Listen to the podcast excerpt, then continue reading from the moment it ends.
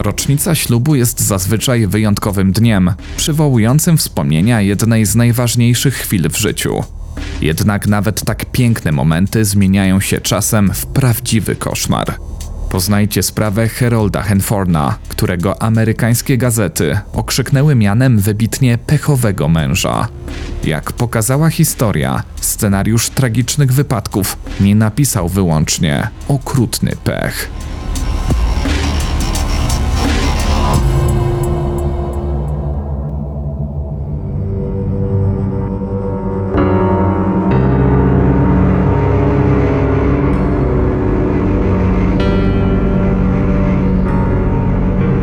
Opowiem Ci historię. Kamil Barnowski. Zapraszam. Ten odcinek powstał dzięki Waszemu wsparciu w serwisie Patronite. Jeśli chcesz dołączyć do patronów kanału Opowiem Ci historię, kliknij w link dostępny w opisie filmu. Z góry dziękuję.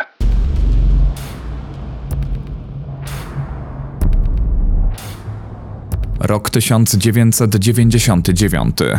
45-letni Harold, mieszkaniec Denver, układał sobie życie po śmierci żony, Sandry Lynn Henforn. Kobieta zginęła w wypadku 4 lata wcześniej. Państwo Henforn byli małżeństwem przez 12 lat, nie mieli dzieci. Harold wierzył, że po tej tragedii spotka jeszcze miłość swojego życia. Był człowiekiem głębokiej wiary, z twardymi zasadami, którymi kierował się przy wyborze partnerek. Szukał kogoś, z kim mógłby dzielić radości i troski codziennego dnia i kto będzie szanował jego religijne poglądy. Zarejestrował się w tym celu na znanym portalu randkowym dla katolików. Za jego pośrednictwem nawiązał znajomość z lekarką, chirurg okulistyki z Jackson, stan Mississippi, 37-letnią doktor Toni Bertolet. Jej brat Barry tak wspominał początki nowego związku swojej siostry. Byłem taki szczęśliwy, że jej się w końcu udało. Pierwsze małżeństwo Toni to było nieporozumienie. Ten portal dopiero eksperymentowała z tą stroną internetową. Tam poznała Herolda. Wypowiadała się o nim w ciepłych słowach. Według niej był uprzejmy, romantyczny i bardzo inteligentny. Spodobał się jej od razu. Barry zauważył jednak, że wybranek siostry był bardzo skryty. Niechętnie opowiadał o sobie nawet najbliższym. Nie było wiadomo w zasadzie, czym dokładnie się zajmował, ani też jak i gdzie spędził młodość. Bliskim tłumaczył, że pracował przy organizacji i rozliczaniu zbiórek funduszy, prowadzonych przez różne organizacje charytatywne, które sam przy okazji chętnie wspierał. Przynajmniej raz w tygodniu wyjeżdżał w interesach. Dokąd? To nie było jasne. Nikt nie miał pojęcia, kim są jego klienci, czy też współpracownicy. Opowiadał, że pracuje z organizacjami non-profit. Uznałem to za interesujący, ale jednocześnie trochę niepewny biznes. Mówił brat Toni. Aura tajemnicy otaczała także okoliczności śmierci pierwszej żony Herolda. Barry Bertolet wspominał. Ilekroć pytaliśmy Toni o te kwestie, tłumaczyła nam, że dla Henforna to wciąż świeża rana. Moja siostra była osobą bardzo taktowną. Nie chciała go naciskać. Wiadomo było jedynie, że był to wypadek samochodowy. Dla 38-letniej Lynn tragiczny w skutkach. Kiedy rodzice Toni, Bob i Yvonne poznali Herolda, mieli dobre przeczucia. On naprawdę dobrze pasował do Toni. Powiedziała kiedyś jej matka. Sam Harold nie szczędził komplementów swojej nowej sympatii. Państwo Bertolet usłyszeli, że doktor okulistyki wprost oczarowała mężczyznę. Nie było to trudne. Z relacji rodziny wyłania się obraz sympatycznej, opiekuńczej kobiety, którą kochali nie tylko liczni pacjenci, ale także jej bliscy. Tak opowiadała o swojej córce. Ona kochała innych ludzi i to było widać na co dzień. Jeżeli mogła komuś pomóc, sprawić, że czyjeś życie będzie chociaż odrobinę lepsze, po prostu to robiła. Była taka od najmłodszych lat. Toni pochodziła z zamożnej familii. Rodzina Bertolet dorobiła się na handlu ropą. Kobieta była środkowym dzieckiem rodziców. Miała dwóch braci. Lubiła się uczyć i osiągała świetne wyniki w szkole, co w późniejszych latach przełożyło się na jej zawodowe sukcesy. Barry, który sam prowadził dobrze prosperującą praktykę kardiologiczną, często wspominał, że Toni prześcigała go w nauce. Moja siostra to była najinteligentniejsza osoba, jaką znałem. Harold i Toni pobrali się w 2000 roku w rodzinnych stronach panny młodej. To było wielkie, huczne wesele. Jak na rodzinę z amerykańskiego południa przystało. Nasza mama o to zadbała. Wspominał Barry Bertolet. Państwo Henforn wkrótce przeprowadzili się do Denver. Harolda wiązały z tym miejscem obowiązki zawodowe. Tam też miał swój dom. Toni znalazła pracę w lokalnej klinice okulistyki. Do szczęścia brakowało im tylko dziecka. To było ogromne marzenie Toni. Starali się wiele lat. Dla niej to było coś wielkiego. aż w końcu się udało. W 2005 roku na świat przyszło ich jedyne dziecko, córeczka Hailey. Toni była szczęśliwa, spełniło się jej największe pragnienie. Bliski przyjaciel rodziny, Daniel Jarvis, miał okazję gościć w ich domu przez kilka miesięcy, kiedy przeprowadzał się do Colorado z innego stanu. Pytany o to, jak wyglądało codzienne życie Toni i Herolda, opowiadał. Zwyczajnie. To przychodzi mi do głowy. Toni wstawała codziennie rano i jeździła do kliniki. Harold często spędzał czas w piwnicy, majsterkował. Mówił, że ma tam sporo pracy. Wyjeżdżał też na spotkania z klientami, jak to określał. Bywało tak, że przez kilka dni z rzędu nie było go w domu. Tłumaczył, że wyjeżdża służbowo. Jarvis nie zauważył w zachowaniu znajomych niczego niepokojącego. Mężczyzna twierdził, że Harold był dobrym mężem i ojcem. Oni mieli fajne, spokojne życie. Istna sielanka. Przynajmniej tak mi się zdawało. Pierwsze zwiastuny kłopotów to rok 2006. Podczas kontrolnego badania serca Barry Bertolet wykrywał swojego szwagra niebezpiecznie zapchane tętnice. To stan zagrażający jego życiu. Harold był o krok od rozległego zawału serca. Mężczyzna wylądował na stole operacyjnym. Gdyby nie zdecydowana reakcja szwagra, Henforn mógłby tego nie przeżyć. Pytany o to, czy czuje się bohaterem, dr Bertolet odpowiedział. Robiłem co do mnie należało. Ale tak, myślę, że Harold by to potwierdził. Faktycznie uratowałem mu wtedy życie. Pacjent wracał do zdrowia otoczony opieką troskliwej żony. Życie wydawało toczyć się normalnie, aż do kolejnego nieszczęścia.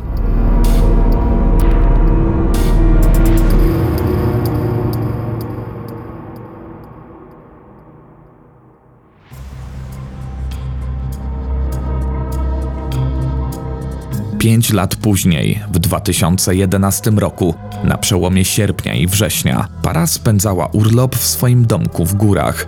Leśna gusza, pustkowie, piękne widoki, idealne warunki do odpoczynku po wielu tygodniach ciężkiej pracy. Powoli kończyło się już lato. Pewnego popołudnia Harold przeprowadzał drobne naprawy w posiadłości. Zawołał Toni. Poprosił, aby mu w czymś pomogła przez chwilę. Kobieta wyszła z pokoju, była już na zewnątrz. Nagle schyliła się, widząc na podłodze jakieś okruchy. Chciała je podnieść. W tym samym momencie nad jej głową przeleciała drewniana belka. Toni została uderzona w okolice szyi. Późniejsze badania przeprowadzone w szpitalu wykazały, że uszkodzeniu uległy kręgi szyjne kobiety. Zapytana przez lekarzy o to, jak doszło do tego wypadku, Toni nie była w stanie odpowiedzieć. Nie pomógł też zszokowany obrotem spraw Harold, jedyny świadek tego dziwnego wypadku. Matka Toni wspominała, że długo nie wiedziała o tym, co zdarzyło się wtedy w górskim domku. Byłam zdziwiona, że nikt mi o niczym nie powiedział. Wtedy zaskoczona Toni odpowiedziała, że przecież Harold do mnie dzwonił. Zaprzeczyłam. Zadzwoniłam więc do niego sama. Stwierdził, że nic wielkiego się nie stało i nie ma potrzeby robić z tego powodu zamieszania. Kobieta zaniepokoiła się na dobre po jednej z rozmów, którą odbyła z córką. Toni zwierzyła się. Wiesz, mamo, gdybym ja się wtedy nie schyliła, nie podniosła tego przedmiotu z podłogi, ta belka by mnie zabiła. Nie miałabym szans. Jakkolwiek dziwne wydawały się okoliczności tego zdarzenia, Toni szybko o nim zapomniała. Uznała, że po prostu miała pecha. O fatalnym wypadku przypominały jej bóle kości oraz zaburzenia czucia w dłoniach, których od tamtej pory regularnie doświadczała. Rodzina zaobserwowała jednak, że od czasu tego niefortunnego zdarzenia zachowanie Herolda zaczęło się stopniowo zmieniać. Mężczyzna obsesyjnie kontrolował Toni niemal w każdym aspekcie jej życia. Ktokolwiek dzwonił do ich domu, to mąż zawsze odbierał telefon. To wyglądało tak, jakby wszystkie połączenia były przekierowane na numer jego komórki. wyjaśniła Yvonne Bertolet. Brat kobiety opowiadał z kolei, że ilekroć chciał pomówić sam na sam ze swoją siostrą albo jej córką, Harold na to zwyczajnie nie pozwalał. Kiedy dzwoniłem do Toni albo Hayley, zawsze były na głośniku. Z Heroldem stojącym tuż obok nich. Wydawało mi się, że to dziwaczne pilnowanie ich obu sprawia mu chorą satysfakcję. Słowa kardiologa potwierdzili współpracownicy dr Toni z kliniki okulistycznej. Okazało się, że Henforn towarzyszył żonie również podczas zebrań i narad lekarskich. Kierownik biura kliniki, w której pracowała lekarka, powiedziała wprost, że czuła się w towarzystwie Henforna wyjątkowo niekomfortowo. W zachowaniu tego mężczyzny było coś niepokojącego. Zawsze dziwnie się uśmiechał. Jakby ktoś mu przykleił do twarzy na stałe ten sztuczny grymas. Zbyt szybko się zaprzyjaźniał. Miał obsesję na punkcie kontrolowania Toni. Wszystko, co działo się poza jej regularnymi godzinami pracy, musiało być wcześniej skonsultowane z Heroldem i musiała uzyskać na to jego zgodę. Kobieta bardzo się zdziwiła, kiedy we wrześniu 2012 roku biznesmen poprosił ją o pomoc w planowaniu niespodzianki dla Toni z okazji zbliżającej się 12. rocznicy ślubu. Chciał zabrać żonę na wycieczkę do Parku Narodowego Gór Skalistych w Colorado. Asystentka zgodziła się na tę propozycję. W dniu planowanej wyprawy przeniosła wszystkie wizyty pacjentów dr Toni na przedpołudniowe godziny. Chciała, aby okulistka mogła skończyć nieco wcześniej i jak najszybciej rozpocząć romantyczny weekend, jak wspominała. To fakt. Facet bywał odrażający, ale ostatecznie to był jej mąż. Kochała go. Jeśli chciał zrobić dla niej coś miłego, to było nawet ekscytujące. Przez chwilę pomyślałam, że może on jednak wcale nie jest taki zły. Całe biuro zostało zaangażowane do pomocy w organizacji niespodzianki. Jedna ze współpracowniczek dr Henforn nagrała nawet telefonem moment, w którym Toni dowiaduje się o przygotowywanym dla niej od kilku tygodni prezencie. Kobieta była bardzo szczęśliwa i szczerze się śmiała. 29 września 2012 roku uśmiechnięci i zrelaksowani Harold i Tony Henforn ruszyli na pieszą wycieczkę w góry skaliste. Za cel obrali szczyt Deer Mountain 3052 metry nad poziomem morza. To był piękny, jesienny dzień. Szli żwawym krokiem. Przebyli już ponad 3 kilometry, kiedy nagle postanowili zboczyć ze szlaku i wejść w dużo trudniejszy, dziki teren. Wkrótce małżonkowie znaleźli się w mało bezpiecznym rejonie gór. Ze względu na nieregularną ścieżkę i dużą wysokość, trudno było swobodnie maszerować w takim terenie. Wiele miesięcy później asystentka Toni opowiadała o swoich wątpliwościach. Piesze wędrówki w wysokich górach to po prostu nie było w jej stylu. Zwiedzanie, spacery to wszystko się zgadzało, ale turystyka wśród stromych zboczy nie ma mowy. Nigdy w to nie uwierzę. Barry Bertolet dodał. Toni miała problem z kolanem. Była po zabiegu.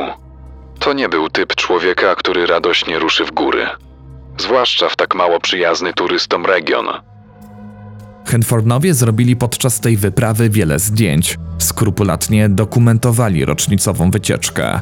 Para cieszyła się beztroskimi chwilami we dwoje.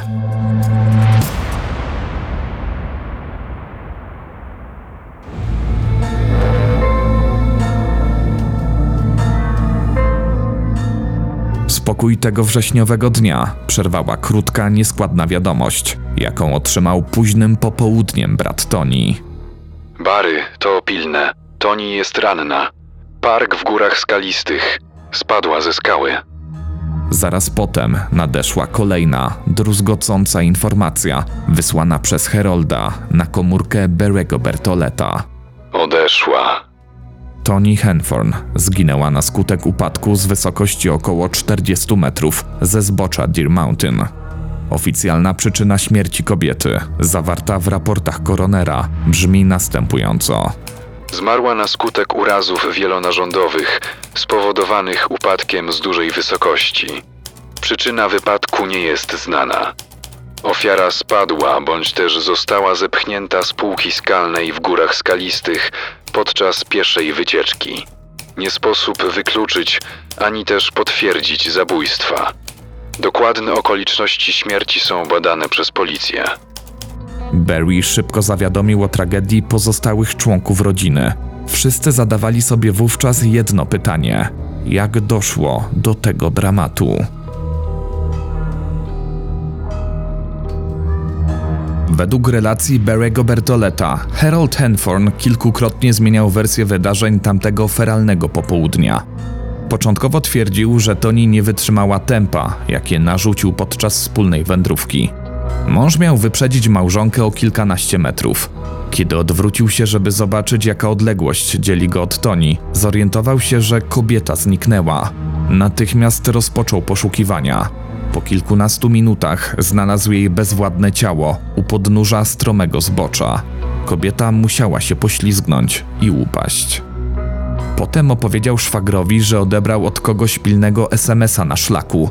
Schylił się, aby sięgnąć po telefon i odczytać wiadomość.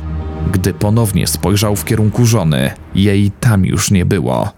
Mężczyzna skupiony na wiadomości nie zwrócił uwagi na to, kiedy i dlaczego Toni zniknęła z jego pola widzenia. Jeszcze inne wyjaśnienie, którym posłużył się wdowiec, to zdjęcia zrobione przez Toni podczas marszu. Kiedy fotografowała spacerującego Herolda, przypadkowo potknęła się i spadła ze skały. Kolejny wariant opowieści męża zawierał informację, że Henforn skrupulatnie sprawdzał połączenia przychodzące z biura Toni na jej służbową komórkę w czasie ich wyprawy. Dlatego nie zauważył, co działo się z kobietą. Teoria ta została dość szybko obalona przez policjantów, którzy zajęli się badaniem przyczyn śmierci okulistki. Dotarli oni do współpracowników dr Toni, którzy zgodnie stwierdzili, że telefon kobiety przez cały czas leżał na jej biurku w klinice. Niemożliwym więc było, aby Harold miał do niego dostęp w jakikolwiek sposób. Co ciekawe, biznesmen zadzwonił do biura kliniki zaledwie kilka godzin po wypadku w górach. Stanowczym tonem zażądał wydania mu telefonu Toni, jak wspominała asystentka okulistki. Owszem, z jego głosu przebijał pewnego rodzaju smutek, ale generalny wydźwięk tego, co nam powiedział, można streścić krótko. Potrzebuję tego telefonu natychmiast. Nic innego się dla niego w tamtym momencie nie liczyło. Toni zmarła w sobotę. W niedzielę ratownicy górscy dotarli do jej ciała. Tymczasem Harold już w poniedziałek odzyskał telefon lekarki. Wydawało się, że działa w irracjonalnym pośpiechu. Wielu sądziło, że jego zachowanie to objaw szoku. Ale czy na pewno? Barry Bertolet od samego początku nie wierzył w ani jedno słowo Herolda. Kilka diametralnie różnych, przeczących sobie wzajemnie historii, podanych do wiadomości zaledwie dwie doby po tragedii. Coś tu się definitywnie nie zgadzało. Bertoletów oburzyła jeszcze jedna rzecz. Niespełna 48 godzin od śmierci Toni, Harold miał już dokładnie zaplanowaną ceremonię pożegnalną żony. Skontaktował się z ludźmi, którzy mieli zaśpiewać na jej pogrzebie. Mimo wyraźnego sprzeciwu rodziny, zdecydował o kremacji zwłok małżonki. Rozplanował co do minuty, jak będzie przebiegać nabożeństwo żałobne. Wielu zadawało sobie wówczas pytanie, czy tak działa człowiek, który jest w amoku. Drugi z braci Bertolet, Todd, skomentował w ten sposób zaistniałą sytuację. Sądzę, że pośpieszna decyzja o kremacji mojej siostry miała na celu ukrycie dowodów. Nie chcieliśmy tego dla niej. Pragnęliśmy spokojnie sprowadzić ciało do naszego rodzinnego miasta i tam ją pochować. Mężczyzna nie krył się ze swoimi podejrzeniami względem Handforna. Uważam, że mój szwagier celowo zepchnął Toni z klifu. To było morderstwo. Nabożeństwo żałobne ku pamięci tragicznie zmarłej Toni Henforn odbyło się pięć dni po śmierci kobiety. Wśród przybyłych na miejsce zrozpaczonych przyjaciół i członków rodziny dały się słyszeć głosy, że wszystkiemu winien był Harold. Jeden z żałobników opowiedział potem prasie. Proszę sobie wyobrazić, opłakiwaliśmy jej straszną, niespodziewaną śmierć, a być może wśród nas stał jej zabójca. To okropne uczucie.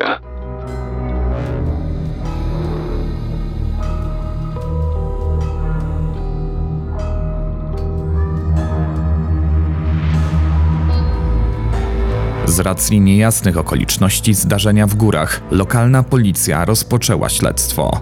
Harold Henforn, jedyny świadek wypadku, dość szybko otrzymał status podejrzanego w sprawie. W ciągu kilku pierwszych tygodni policja odebrała kilkanaście anonimowych telefonów i listów od ludzi, którzy znali dr Tony. Wszyscy zgodnie twierdzili, że śmierć pani Henforn nie była przypadkiem. Proszono, aby służby nie zamykały śledztwa pod pozorem uznania całego zdarzenia za nieszczęśliwy wypadek. Jednak śledczy potrzebowali twardych dowodów. Rozpoczęto zatem uważną obserwację dalszych działań biznesmena, przy jednoczesnym poszukiwaniu śladów wskazujących na ewentualne związki podejrzanego ze śmiercią jego żony. Policja zdecydowała o przeszukaniu samochodu należącego do Henforna. W jego jeepie znaleziono mapę Narodowego Parku Gór Skalistych. Szlak na szczyt Deer Mountain, miejsca ostatniej wyprawy Tony Henforn, został oznaczony różowym kolorem. To nie wydawało się dziwne. Można by pomyśleć, że małżonkowie po prostu nakreślili tak trasę swojej wędrówki, aby dokładnie rozeznać się w terenie. Było tam jednak coś jeszcze, co wzbudziło natychmiastową reakcję policji. Wyraźny znak X, umieszczony dokładnie w miejscu, gdzie Toni spadła w przepaść. Harold został wezwany na przesłuchanie. Detektyw lokalnej jednostki śledczej wspominał, że zszokowanemu mężczyźnie początkowo zabrakło słów, kiedy pokazano mu znalezisko z jego auta. Zaczął tłumaczyć policjantom, że to mapa, którą zamierzał dać w prezencie swojemu bratankowi. Agenci nie byli przekonani do przedstawionej im wersji zdarzeń. Co więcej, Henforn uparcie twierdził, że nigdy wcześniej nie był w okolicach szlaku, gdzie doszło do wypadku. Tymczasem jeden z jego bliskich znajomych zeznał policji. Harold opowiadał mi, że dwa tygodnie przed śmiercią Toni odbył około sześć pieszych wycieczek w góry skaliste. Tłumaczył, że chciał w ten sposób znaleźć najlepszą trasę na rocznicową wyprawę. Sam mówił żonie, że zaplanował ich drogę co do jednej minuty. Dobrze orientował się w tamtym wymagającym terenie i wiedział dokładnie, gdzie się znajdowali w danym momencie. Cytowany wcześniej przyjaciel rodziny Henforn, Daniel Jarvis, opowiadał o wizycie, jaką niespodziewanie złożył mu Harold po pogrzebie Toni. Przyszedł do mnie dziwnie zdenerwowany. W kółko powtarzał jedno i to samo, że znaleźli mapę. Próbowałem dopytać o co mu chodzi. Nie reagował. Ciągle bredził coś o tej mapie. Jakiś czas później Jarvis i Henforn ponownie się spotkali. Wtedy Harold, już nieco bardziej spokojny, próbował upewnić się, że kolega wierzy w jego niewinność. Mówił, że przecież mieszkałem z nimi przez dłuższy czas, że wiem jak było. Pytał, czy aby na pewno wierzę, że on nigdy nie mógłby skrzywdzić Toni. Potwierdziłem.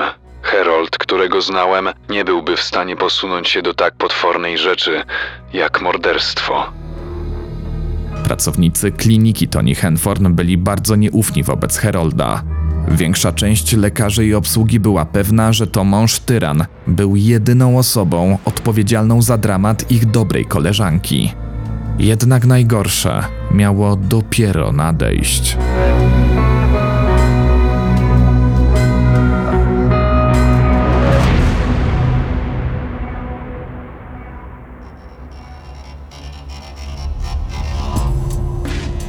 1 października 2012 roku Brian Mess, reporter śledczy pracujący dla stacji CBS, właśnie rozpoczynał swój dyżur. Nieśpiesznie włączył komputer.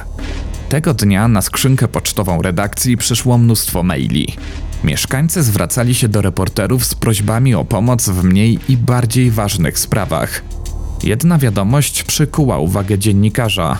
Jak wspominał, To w zasadzie nie była wiadomość, a dwuzdaniowy komunikat od anonimowego nadawcy. Ktoś napisał w nim o artykule, który opublikowaliśmy w związku ze śmiercią dr Henforn kilka dni wcześniej. Jednak druga część była znacznie ciekawsza i brzmiała tak.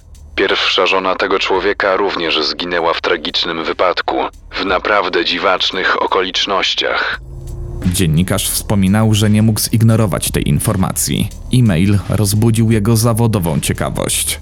Mas przypuszczał, że osoba, która przesłała im ten zwięzły tekst, wiedziała znacznie więcej niż mogła ujawnić. Miałem przeczucie, że ktoś bardzo stara się powiedzieć mi coś ważnego. Mówił reporter. Ta z pozoru niewinna wskazówka była początkiem żmudnego, niemal trzyletniego dziennikarskiego śledztwa, którego wyniki zszokowały Amerykę. Mas opowiedział, że spędził długie godziny szukając jakichkolwiek informacji o przebiegu wypadku pierwszej żony Henforna, Sandry Lynn z domu Richelle. Początkowo udało mu się jedynie odnaleźć krótką notatkę, opublikowaną w prasie w 1995 roku. W artykule na temat śmierci kobiety Mas przeczytał, że została przygnieciona przez samochód podczas wymiany uszkodzonej opony. Co ciekawe, do tragedii doszło, kiedy małżeństwo wybierało się na kolację z okazji 12. rocznicy ślubu. Brian Mas zapamiętał, że przebiegł mu wtedy dreszcz po plecach. Pomyślałem, jak często zdarza się, że żona wchodzi pod auto, które nagle, z zupełnie niewiadomych przyczyn ją przygniata.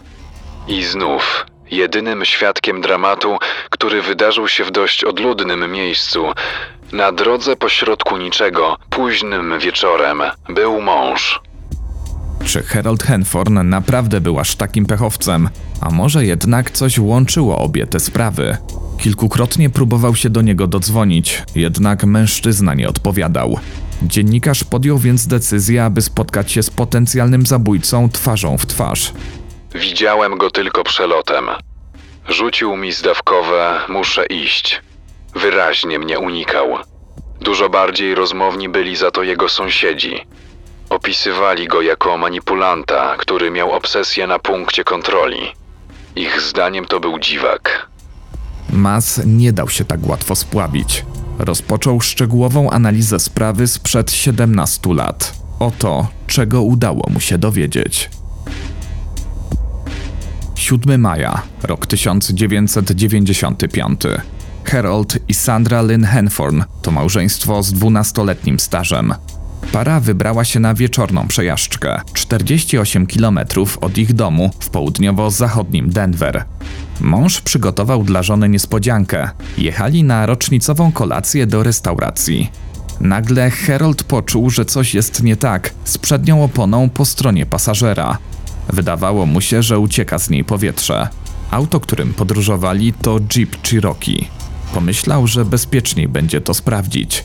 Małżonkowie zatrzymali się w gęsto zalesionym obszarze. Dookoła żadnych domów, totalne pustkowie.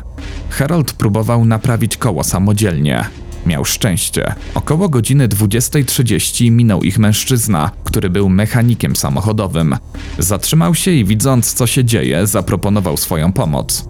Zaoferował nie tylko wymianę opony, ale też oświetlenie auta, aby sprawniej przeprowadzić naprawę. Była już noc, a Henforn dysponował jedynie małą, kieszonkową latarką.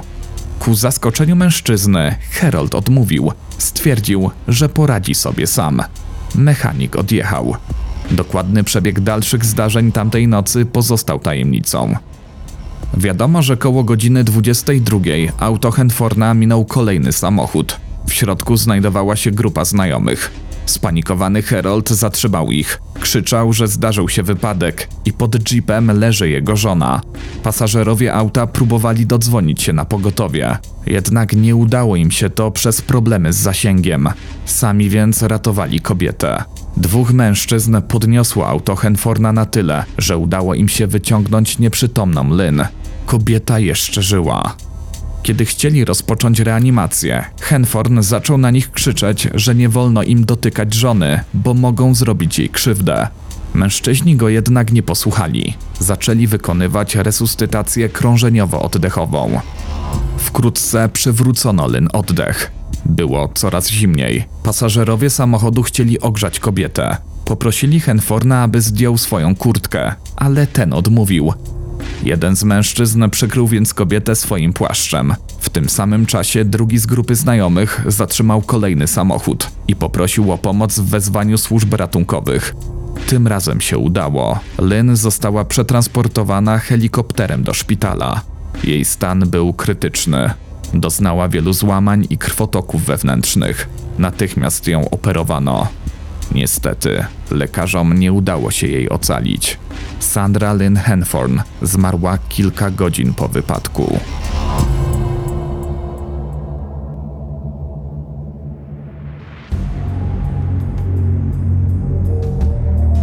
To zdarzenie wywołało liczne pytania i kontrowersje.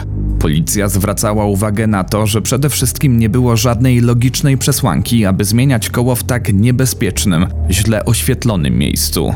Co więcej, opona, którą Herold uparł się sprawdzić, miała faktycznie niskie ciśnienie, ale nie na tyle małe, żeby nie dało się dojechać w bezpieczniejszy teren. Henfornowie zdecydowanie nie złapali gumy. Śledczy zbadali ciśnienie pozostałych trzech kół samochodu. Również było nieco niższe niż przyjęta norma. Nie wiadomo więc dlaczego Henforn nalegał na zmianę akurat tej konkretnej przedniej opony. Biznesmen gubił się w zeznaniach. Powiedział na posterunku, że do podniesienia auta użył dwóch lewarków, innych niż ten, który fabrycznie dostarczono z suwem. Tamten według niego nie zadziałał. Detektywów szczególnie zastanawiało, jak Lynn Henforn w ogóle znalazła się pod samochodem. Harold podawał różne wersje zdarzeń. Początkowo twierdził, że żona chciała wydobyć spod jeepa nakrętkę od koła, która potoczyła się w ciemności po żwirowej drodze. Później zmienił zdanie i mówił, że Lynn próbowała wyjąć spod samochodu latarkę, która wypadła jej z rąk. Jeśli kobieta rzeczywiście chciała podnieść coś spod kół, dlaczego wybrała najbardziej niebezpieczny sposób i zdecydowała się wczołgać pod pojazd? To nie miało żadnego sensu. Henforn wyjaśniał, że do tragedii doszło w momencie, gdy zdjął już wadliwe koło i wrzucił je na tył auta. Jeep Cherokee miał się wtedy niespodziewanie osunąć z podtrzymujących go lewarków, przygniatając znajdującą się pod nim Lynn. Według jeszcze innej wersji, samochód osunął się bezwładnie na kobietę, kiedy Henforn zamknął bagażnik i usiadł w aucie na tylnym siedzeniu. Policja znalazła na tylnym zderzaku samochodu ślad, który dał im do myślenia. To był odcisk buta. Pasował do obuwia, które tamtej nocy miał na sobie Harold. Pojawiło się podejrzenie, że mężczyzna kopnął w zderzak, co w konsekwencji spowodowało obsunięcie się samochodu z lewarków i przygniecenie Lynn. Dodatkowo Henforn zeznał, że to on wydobył żonę z pułapki i rozpoczął resuscytację krążeniowo-oddechową. Zeznania te nie zgadzały się z tym, co powiedzieli policji świadkowie z drugiego auta, uczestniczący w akcji ratunkowej. Ponadto Henforn utrzymywał, że nie był pewien, czy jechał z Lynn na kolację, czy właśnie z niej wracali. Policjanci uznali to za dość dziwne tłumaczenie. Takie rzeczy przecież zawsze się pamięta. Harold naciskał, aby Lynn została natychmiast skremowana. Po śmierci żony otrzymał łącznie prawie pół miliona dolarów z trzech różnych polis ubezpieczeniowych. Jedna z nich zaczęła obowiązywać dopiero 2,5 miesiąca przed wypadkiem Lynn. Znalazł się tam zapis, że w przypadku nagłej i niespodziewanej śmierci kobiety, beneficjent polisy, w tym przypadku jej mąż, otrzyma w ramach odszkodowania podwójną kwotę ubezpieczenia. Tylko ta jedna polisa opiewała więc na sumę 300 tysięcy dolarów. Istniały zatem przesłanki do dalszych badań sprawy. Było wiele poszlak wskazujących na to, że kobieta mogła zostać zamordowana przez własnego męża celem uzyskania przez niego korzyści majątkowych. Władze nie przyłożyły się jednak do dogłębnego zbadania tematu. Już sześć dni po tragicznym wydarzeniu śledztwo w sprawie śmierci Sandry Lynn Hanforn zostało zamknięte. Zdarzenie uznano oficjalnie za nieszczęśliwy wypadek. Brian Mass opublikował w październiku 2013 roku szczegółowy artykuł na temat śmierci dwóch żon Henforna, zatytułowany Wybitnie pechowy mąż. Po raz pierwszy opinia publiczna miała okazję zapoznać się z dogłębną analizą dotychczas nieznanych nikomu faktów dotyczących zagadkowych okoliczności wypadków obydwu pań Henforn.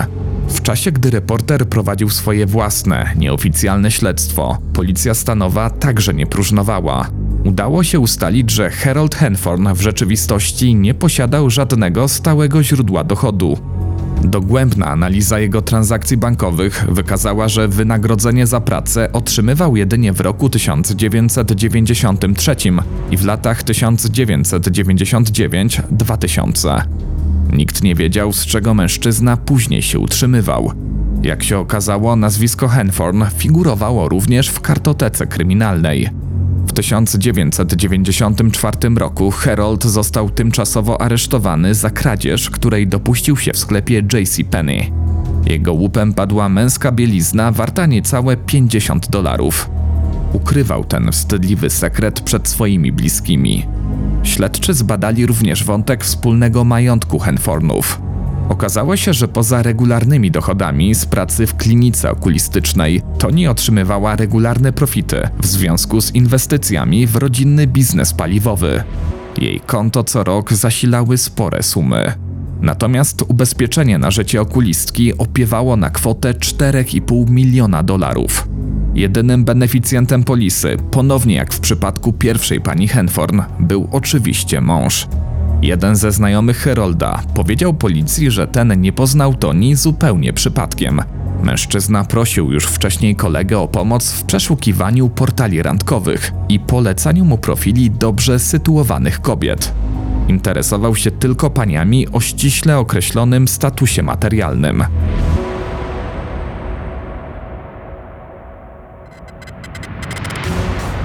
Zeznania Herolda dotyczące bezpośrednich zdarzeń tuż po wypadku Toni także nie były spójne. Zachowały się nagrania z rozmów, które Henforn przeprowadził z ratownikami, dzwoniąc kilkukrotnie na numer 911.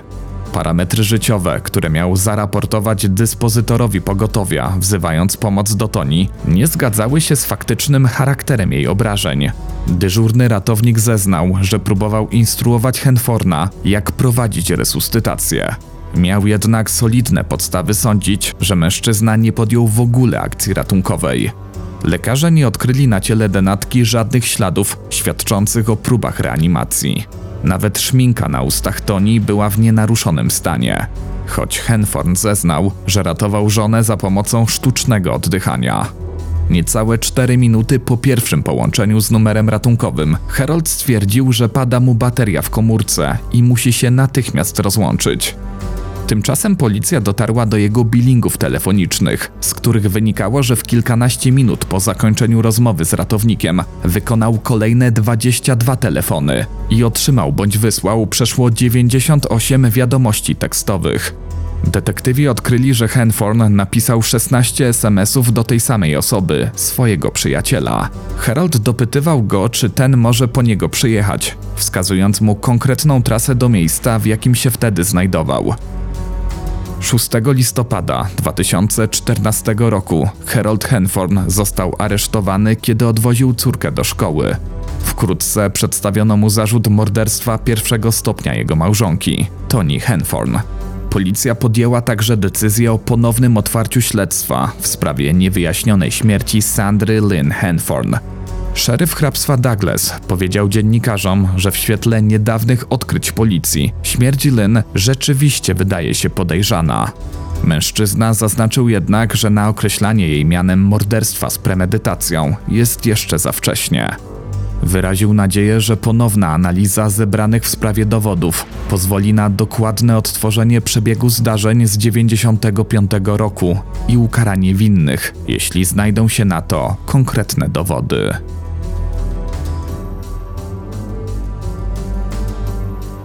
8 grudnia 2015 roku sędzia federalny skazał Herolda Henforna na karę dożywotniego pozbawienia wolności, bez możliwości ubiegania się o wcześniejsze zwolnienie warunkowe. Prokurator podkreślił, że zarówno śmierć Toni, jak i Sandry Lynn nie była dziełem przypadku.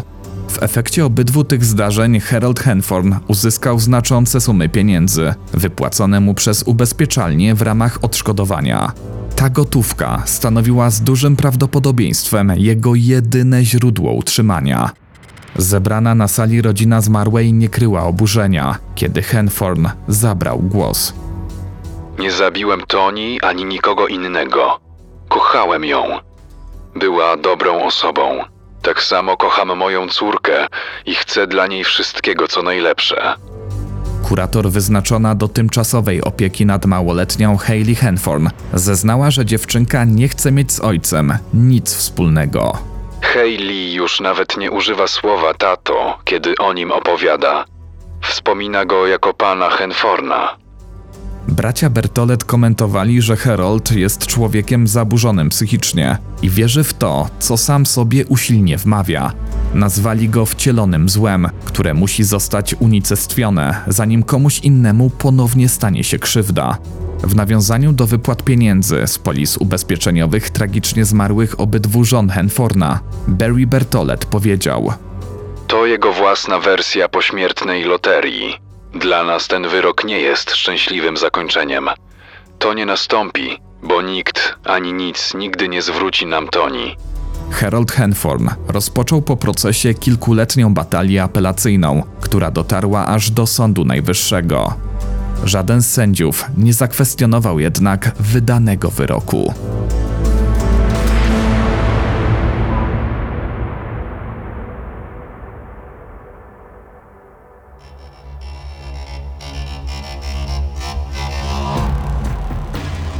Rodzina Toni podejrzewała, że Harold Henforn zapłacił swoim obrońcom pieniędzmi otrzymanymi z polisy ubezpieczeniowej zmarłej żony. Wobec brata skazanego, Roba Henforna, toczyło się w sądzie odrębne postępowanie. Został wezwany do wyjaśnienia otrzymania od Herolda na początku 2014 roku, jeszcze przed aresztowaniem, niemal pół miliona dolarów. Rob utrzymywał, że była to pożyczka na poczet inwestycji jego firmy. Sędzia uczestnicząca w przesłuchaniu mężczyzny powiedziała wprost. Według sądu przelewy opiewające na sumę pół miliona dolarów miały jeden cel ukrycie gotówki. Kwota ta miała umożliwić podejrzanemu ucieczkę przed wymiarem sprawiedliwości poza granice kraju.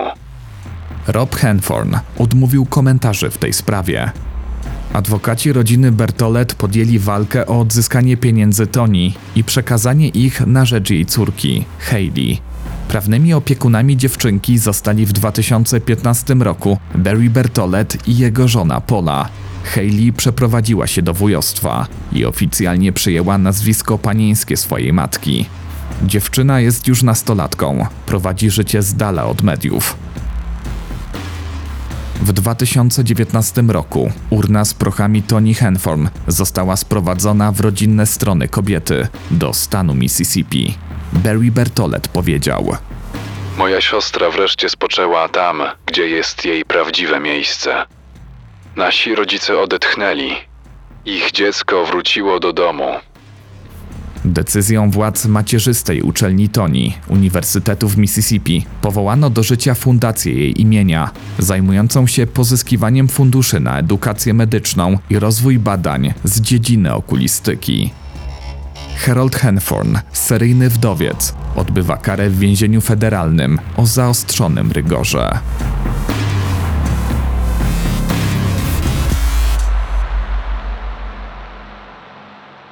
Kolejny premierowy odcinek podcastu Opowiem Ci historię już w przyszły poniedziałek o 20. Zapraszam, Kamil Barnowski. Ten odcinek powstał dzięki Waszemu wsparciu w serwisie Patronite. Jeśli chcesz dołączyć do patronów kanału Opowiem Ci historię, kliknij w link dostępny w opisie filmu. Z góry dziękuję.